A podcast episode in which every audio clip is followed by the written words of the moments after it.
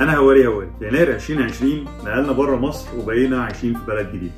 وقبل ما نقدر نبني دائره اجتماعية جديدة ونعمل شبكة أصدقاء زي ما إحنا متعودين في مصر حصلت كورونا وزي مليارات البشر بقينا محبوسين في البيت ما بين أربع حيطان وشاشة زوم وهو ده اللي إحنا قاعدين بنتواصل فيه مع أصدقائنا القدام أو حتى مع زملائنا في الشغل. 2021 كانت أحسن شوية وقدرت أستعيد بعض الصداقات وأكلم بعض الناس ونشوف بعض الأصدقاء وجها لوجه. لكن الحقيقة أنا كنت مستبشر خير ب 2022 وكنت ناوي على أفكار كتيرة وإن أنا أحاول أقدر أتواصل مع أكبر قدر من الأصدقاء وأشوفهم وأتكلم معاهم وأعرف السنتين أو يمكن السنين اللي فاتت دي كلها عدت عليهم إزاي.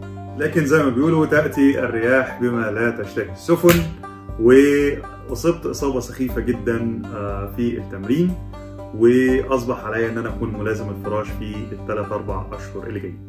بما معناه ان أنا رجعت تاني محبوس مش قادر أتواصل مع الناس غير عن طريق التليفون أو Zoom أو عن طريق فيسبوك وبقية ال social media. ربك بيقفل الباب أكيد بيفتح لك شباك، أنا قررت ان أنا هعيد التواصل مع كل أصدقائي اللي متنطورين حوالين العالم دول وإن أنا أتكلم معاهم وأرجع تاني أستعيد نقاشاتنا الحميمية القديمة. ففكرت ان أنا أسجل النقاشات دي عن طريق بودكاست واسم البودكاست دوت نافذتي على العالم عشان هم فعلا هيبقوا نافذتي على العالم.